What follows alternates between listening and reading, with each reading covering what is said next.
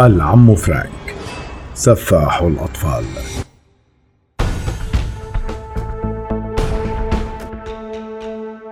نعتقد جميعا أن المسنون هم ذو قلوب صافية فقد نالوا متعتهم من الحياة ولم يبق لهم سوى أرواحا متسامحة. ولكن يجب علينا ألا ننسى بأن لكل قاعدة شواذ.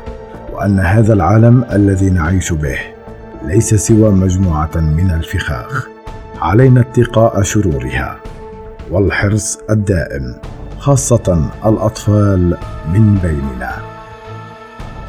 جلس أحد الشباب باستراحة على جانب الطريق السريع ينتظر من يقله إلى المنزل. فالشاب بلا عمل وكان قد كل من البحث بين الشركات ولكنه لم يفقد الأمل بعد. وأثناء جلوسه بالاستراحة دخل رجل عجوز إلى المكان بعد أن ترك شاحنته بالخارج وتمدد إلى جوار الشاب.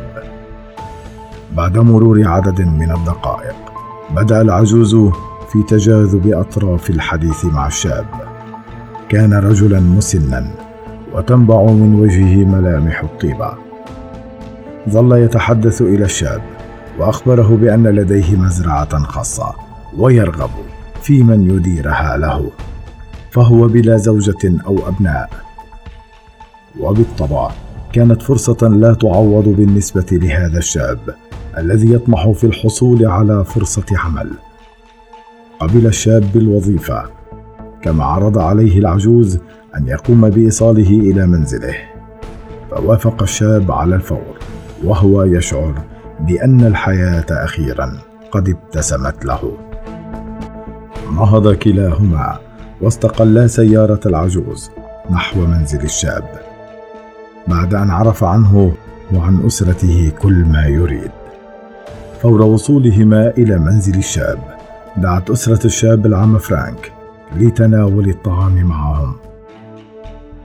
فوافق العجوز.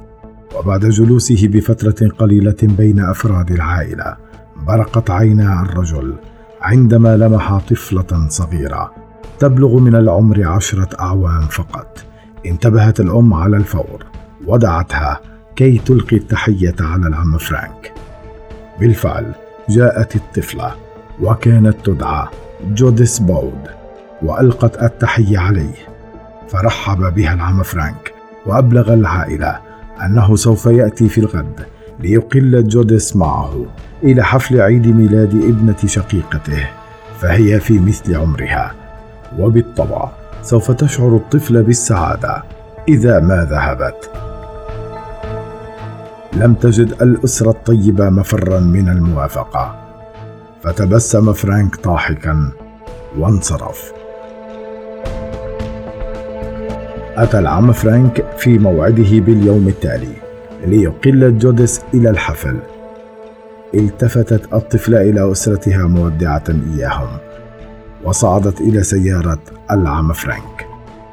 لم تكن لسيارته لوحة أو يعرف أسرة الفتاة منزلا له بعد أن أعطى أخيها وأسرتها عنوانا خاطئا. في طريقهم إلى الحفل. توقف فرانك إلى جانب الطريق وأحضر للطفلة بعض المثلجات الذي عرف من خلال حديثه إلى الطفلة بأنها تعشقها كثيرا. عقب أن قطع فرانك منتصف الطريق انحرف بسيارته إلى بقعة مليئة بالأشجار التي تجعل من يمر بالطريق العام لا ينظر إليها أو يلفت نظره شيئا.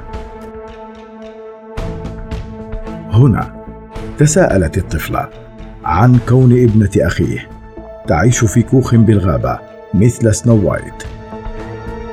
كشف فرانك عن حقيقته عندما ترجل وأخذ الفتاة عنوة من داخل السيارة وقام بتكبيل يديها وقدميها ونزع عنها ملابسها مما زاد صراخها فحشر بعضا من ثيابها بفمها ليكتم تلك الصرخات المدوية. اعتدى فرانك على الطفلة التي أخذت تصرخ دون جدوى ثم قام بخنقها بيديه حتى فاضت روحها إلى بارئها.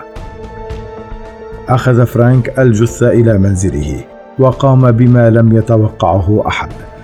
قطع جثة الطفل اربا وقام بطهي لحمها وجلس يتناوله بتلذذ بشع. ومن شدة جنونه أرسل فرانك رسالة لأهل الطفلة يشكرهم فيها على جمال الطفلة وعذوبة لحمها الطري. هنا انهارت العائلة بأكملها وتم إبلاغ رجال الشرطة الذين ظلوا يتتبعون فرانك لفترة طويلة حتى كادوا أن ييأسوا لولا أن أبلغ أحدهم عن مكان تواجده. تم إلقاء القبض على العم فرانك الذي لم يكن سوى ألبرت فيش سفاح الأطفال لم يقاوم فيش رجال الأمن وكأنه كان بانتظارهم كما اعترف في التحقيق بكافة جرائمه فقد قتل مئات الأطفال قبل الجودس في النهاية حكم عليه بالإعدام عن طريق الكرسي الكهربائي.